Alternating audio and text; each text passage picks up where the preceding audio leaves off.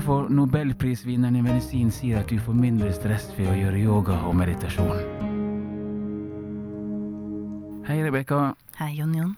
Hei til deg som hører på der ute. I dag skal vi snakke Du kan jo si det, du. Vi skal snakke om hvordan du kan bruke mental trening som, er forskningsbasert, til å reparere noe som heter telomerene dine, og som gjør deg ung og vital. Oi. te- te- tele- Telemerene. Telomerene, jeg pleier å si 'tell me more'. Ja, Ja. den er god. Ja, ja, det skal vi jammen notere. Mm. Notert. Eh, Men hvor kommer Nobel inn i alt dette her? Ja, vi skal, ha, eh, vi skal snakke om eh, det jeg pleier å kalle Nobel, nobelpriseventyret til Elizabeth Blackburn, Blackburn. som fikk nobelsprisen i 2009. Og for å dra, håper jeg, starte med det var en gang, starte eventyret der det begynte, Ja. så var det rundt sånn 2004, så var det mange av oss forskere, for jeg er også da medisinsk genforsker, som har sett mye på hva stress faktisk gjør med oss helt ned på gennivå. Vi fant ut at vi må vise verden der ute at stress faktisk påvirker deg negativt helt ned på gennivå. Og da eh, sa Elizabeth Blackburn vi må finne en måte som gjør at skeptikerne og alle andre der ute skjønner at en person er stresset. For mange vet ikke helt ok, hva er stress for deg, hva er stress for meg. Det kan være ganske sånn ulike opplevelser av hva stress er. Men det hun sa var at hvis vi tar mødre til kronisk syke barn, altså alvorlig syke barn som aldri blir friske, og være moren til det, det er, skjønner man er stressende. Både fordi det fysisk kan være vanskelig når du må stelle det syke barnet, men også det psykiske at du vet at ungen din aldri blir frisk. Det finnes ikke en metode å behandle det. Eh, Så det er sånn som man i flere land skjønner at det er tøft å være den mammaen. Og så tok man da en kontrollgruppe med mødre til friske og glade barn. Og så tok man rett og slett, jeg har jo vært i genrobotverdenen og sånn, så tok man og isolerte alt genmaterialet til disse forsøkspersonene i de to forskjellige gruppene. De stressende mammaene og de ikke-stressende mammaene. Og det man da fant, det var at man fant en enorm stor forskjell på genmaterialet som heter telomerer. Og de fleste har hørt om kromosomer. Vi har X og Y. Ikke sant? Når du er XX, så er du dame. XY, så er du mann. Noen har hørt om at hvis du har tre kromosomer, så får du Downs syndrom. Ikke sant? Vi er på kromosomnivå. Og det som kromosomene gjør i kroppen vår, det er at det rett og slett oppbevarer alle genene våre. Vi har 30 000-40 000 gener, og de oppbevares i 23 kromosompar. Bare sånn så jeg klarer å henge på her nå. eh, kromosomer og også DNA Mhm. og genet. Ja, det er på en måte tre begrep som ja. vi hører. Genene er altså, jeg pleier å si det er som en bok. Ikke sant? Du har permen, det er kromosomene. Hele boken er kromosomene. Og så åpner du boken, og så er genene hvert eneste ord, som på en måte kode for et ord. Eh, men alt DNA-et, det er hele teksten i boken. Mm, da ser jeg det for meg. Ja. Og det som er, jeg pleier å bruke eksempler hvis du skal skjønne hva telomerer er.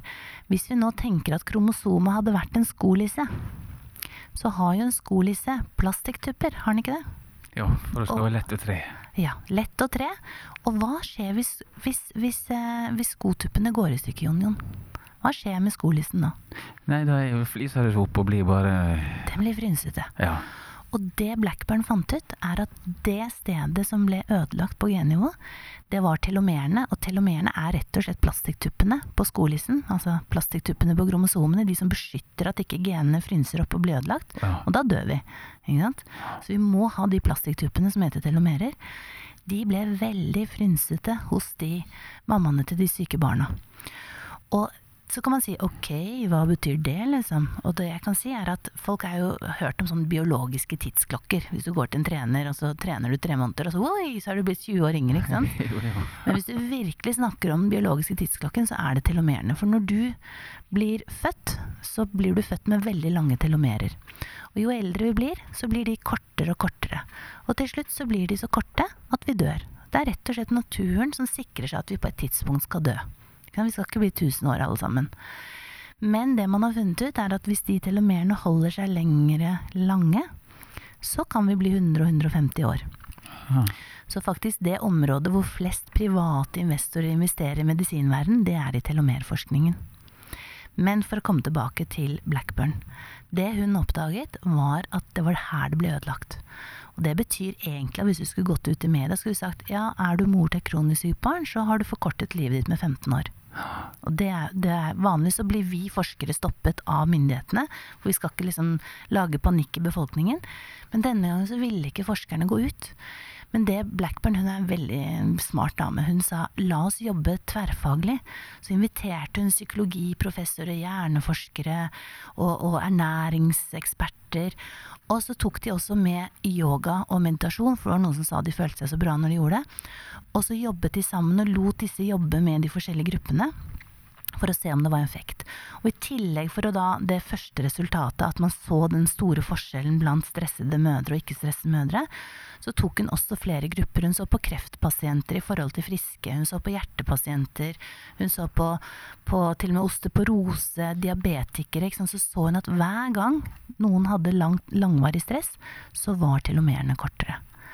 Men det som da skjedde, var at når de da begynte å få de samtaleterapi, ernæring, yoga og sånne ting, så var jo målet å få de til å stoppe å ødelegge skotuppene, så ikke skolissene eller genene ble så frynsete.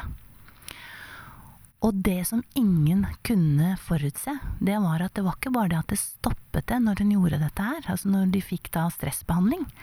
Det stoppet ikke bare, men det la plastikktuppene ut igjen. Altså du reparerte skaden. Og plutselig så kan du si at hvis du har opplevd noe traumatisk vanskelig i livet ditt, som vi alle har, og som vi skjuler for resten av verden, for alle tror at det er bare min familie som er gæren, ikke sant, det er at da kunne du plutselig si slapp av, det gjør ikke noe at du har opplevd mye stress. Vi har metoden som kan hjelpe deg til å reparere det, sånn at du slipper å forkorte livet ditt.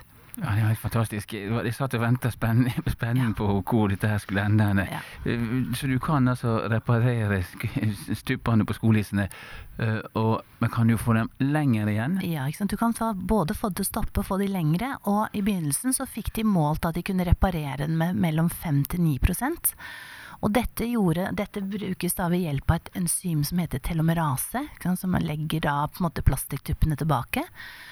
Og så kan man si å, er dette veldig alternativ forskning Rebekka har tatt opp, men som sagt, dette fikk hun Nobelsprisen i medisin for i 2009.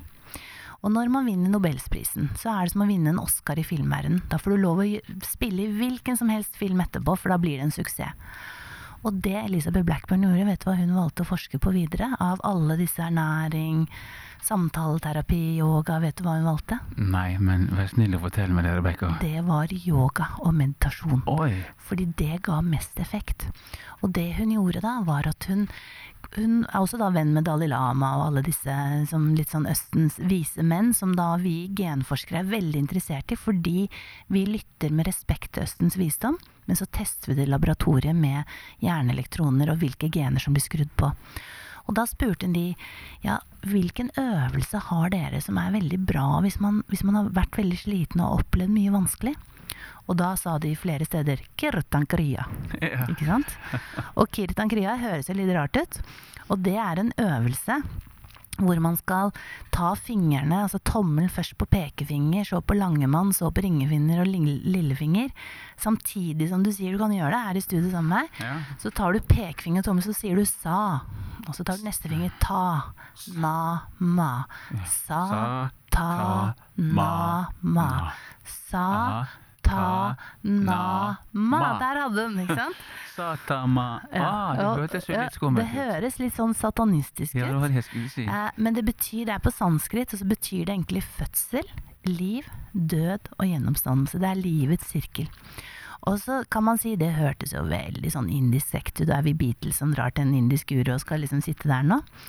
Men det hun fant ut, da, det var at når folk gjorde dette her, og for å virkelig dra den lengre først, så sier du det i to minutter, sa Tanama, og så etter det så skal du hviske Satanama. Nå høres jeg virkelig ut som en sekt. Og så, skal, og så skal du si det inni deg, og så skal du igjen si Satanama i to minutter for å avslutte det hele med å si sa-ta-na-ma. Og dette kan man gjøre med musikk og sånne ting. Så kan man si dette høres jo veldig alternativt ut, stemmer det at Rebekka var genforsker i bunnen, liksom? Men vet du hva som skjedde? Det som skjedde, var at i 2013 så kom hun med resultatene. Fordi vi genforskere vi er ekstremt opptatt av kontrollgrupper. Vi, vi intervjuer ikke 100 mennesker. Følte du deg bra når du gjorde Satanama, liksom? Vi sjekker det på gennivå, og vi sjekker metode. Hva hvis du ikke sier lyden? Hva hvis du gjør det sånn og sånn? Så vi er helt sikre på at vi får gode resultater som er kvalitetssikret. Og det hun fant ut, at hvis folk gjorde dette her i åtte uker, så reparerte de telomerene, husker du det? De som avgjorde hvor gammel du ble. Ikke bare med 5-9 Skolisten.